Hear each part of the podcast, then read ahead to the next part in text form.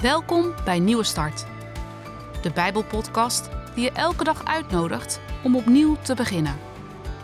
Soms kan het leven ingewikkeld zijn, maar je hoeft het niet alleen te doen. Vandaag heeft Gerrit de Haan een boodschap voor je.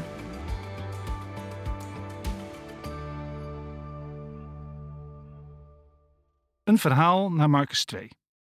Op een dag was Jezus in Capernaum. De mensen in Capernaum hoorden dit en kwamen naar het huis waar Jezus verbleef. Er kwamen zoveel mensen op af dat het zelfs voor de deur helemaal vol stond. En Jezus vertelde hen het goede nieuws. En dan gaat het verhaal op deze manier verder. Een paar mannen kwamen met een verlamde man naar Jezus. Hij werd door deze vier mannen gedragen. Maar er stonden zoveel mensen voor het huis waar Jezus verbleef, dat ze niet bij Jezus konden komen. En daarom maakten ze het dak boven de plek waar Jezus stond open, en toen lieten ze de man op zijn matras door het gat naar beneden zakken. Toen Jezus hun geloof zag, staat er, zei hij tegen de verlamde man: Ik vergeef jou je zonde. En later in dit verhaal lezen we hoe deze man door Jezus ook genezen werd van zijn verlamming. We leven in een tijd waarin we onafhankelijk zijn erg belangrijk vinden. Je eigen boontjes doppen, jezelf kunnen bedruipen en zelf uitmaken hoe je je leven leidt. En hulp nodig hebben, accepteren dat het even niet lukt, dat zien we als zwakte. En toch, het kan ons allemaal overkomen. Dat je vastloopt. Dat het, hoe graag je het ook wilt, echt niet meer lukt dat je net als de verlamde man aan de kant komt te zitten, uitgerangeerd, buitengesloten, alles verloren en geen toekomstperspectief. Al je geloof in dat het goed komt, verloren, hopeloos. De verlamde man had, en wat een rijkdom is dat, blijkbaar nog steeds vier vrienden die er nog wel in geloven. Zij hebben een vriend niet opgegeven. En ze hebben zich er niet bij neergelegd dat een vriend niets anders rest dan zijn leven te moeten leven daar aan de kant van de weg. Zij geloven niet in hopeloos. Het is in dit verhaal uiteindelijk hun geloof dat maakt dat ze hun vriend voor de voeten van Jezus weten te krijgen. Daar was wel even wat voor nodig geweest. Toen ze bij het huis waar Jezus was kwamen, konden ze niet via de deur naar binnen. Het stond daar propvol met mensen.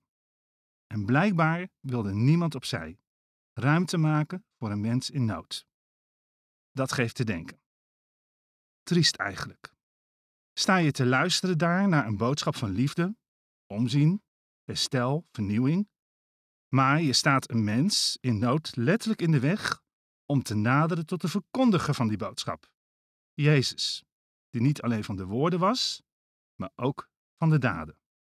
Maar goed. De vier vrienden zijn niet tegen te houden.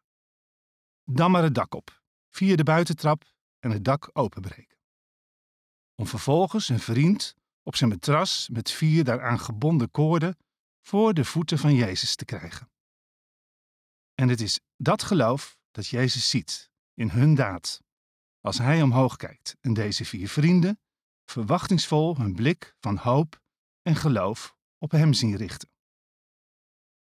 En Jezus hun geloof ziende, zo staat er, hun geloof geneest. En herstel deze man. Niet alleen van zijn verlamming, maar ook innerlijk wordt deze man hersteld. Zijn zonden worden vergeven.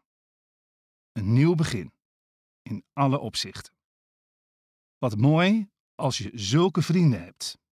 Jezus hun geloof ziende, dat maakt het verschil. Prachtig is dat. Mensen om je heen die er voor je zijn, in jou blijven geloven. Je niet zien als een hopeloos geval. Wees er maar zuinig op. Misschien heb je zelf ook wel je eigen verhaal te vertellen over mensen die er voor jou waren, op het juiste moment, met hun geloof in jou. En je dus ook weer geloof in jezelf gaven. Dat je jezelf niet langer als hopeloos beschouwde dat je weer stappen durfde te zetten. Maar ook jij kunt zo'n vriend zijn voor een ander. En je hoeft heus niet gelijk een dak open te breken. Een klein gebaar, een vriendelijk woord, wat aandacht, een bezoek of een wandeling met die ander die er helemaal doorheen zit, dat kan een groot verschil maken voor die ander. Voor wie ben jij vandaag een vriend?